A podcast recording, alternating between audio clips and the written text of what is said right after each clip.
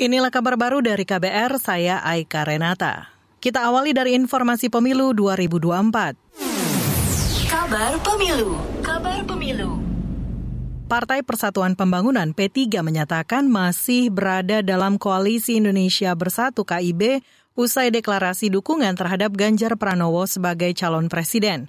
Ketua Umum P3 Mardiono mengatakan partainya tidak memiliki perbedaan pendapat dengan PAN dan Golkar sebab kedua partai itu belum menentukan sikap terkait capres yang bakal diusung di 2024. Selanjutnya sebagai partai koalisi pemerintah, DPP P3 juga akan mengkomunikasikan kepada Bapak Haji Joko Widodo, Presiden Republik Indonesia terkait ketetapan ketetapan Rapimnas 5 Partai Persatuan Pembangunan sebagai arah jalan politik perjuangan.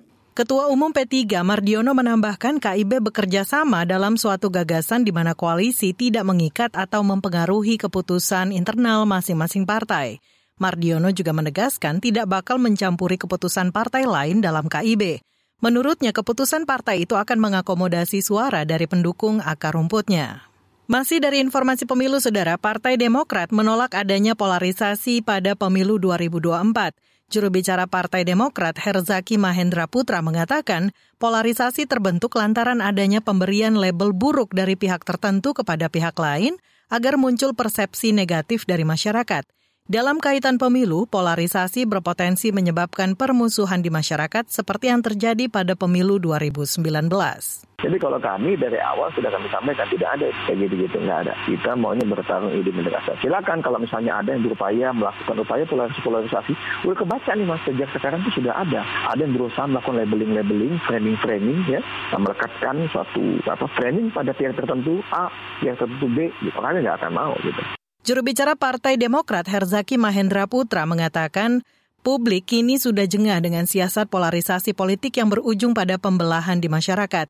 Sebelumnya, Demokrat yang tergabung dalam koalisi perubahan bersama Nasdem dan PKS sudah resmi mengusung Anies Baswedan. Kita beralih ke informasi lainnya, Saudara. Kontingen Indonesia secara bertahap mulai bertolak ke Kamboja untuk mempersiapkan diri tampil pada SEA Games 2023 yang secara resmi bergulir pada 5 hingga 17 Mei. Mengutip antara, Komandan Kontingen Indonesia untuk SEA Games Kamboja, Lexindo Hakim mengatakan, Pemberangkatan atlet dimulai kemarin dengan cabang olahraga sepak bola berangkat paling awal. Saudara, SEA Games Kamboja secara resmi akan dibuka pada 5 Mei. Meski begitu, sejumlah cabang olahraga sudah mulai dipertandingkan pada Sabtu 29 April mendatang atau sebelum upacara pembukaan pesta olahraga terbesar di Asia Tenggara edisi ke-32 tersebut. Demikian kabar baru dari KBR. Saya Aika Renata.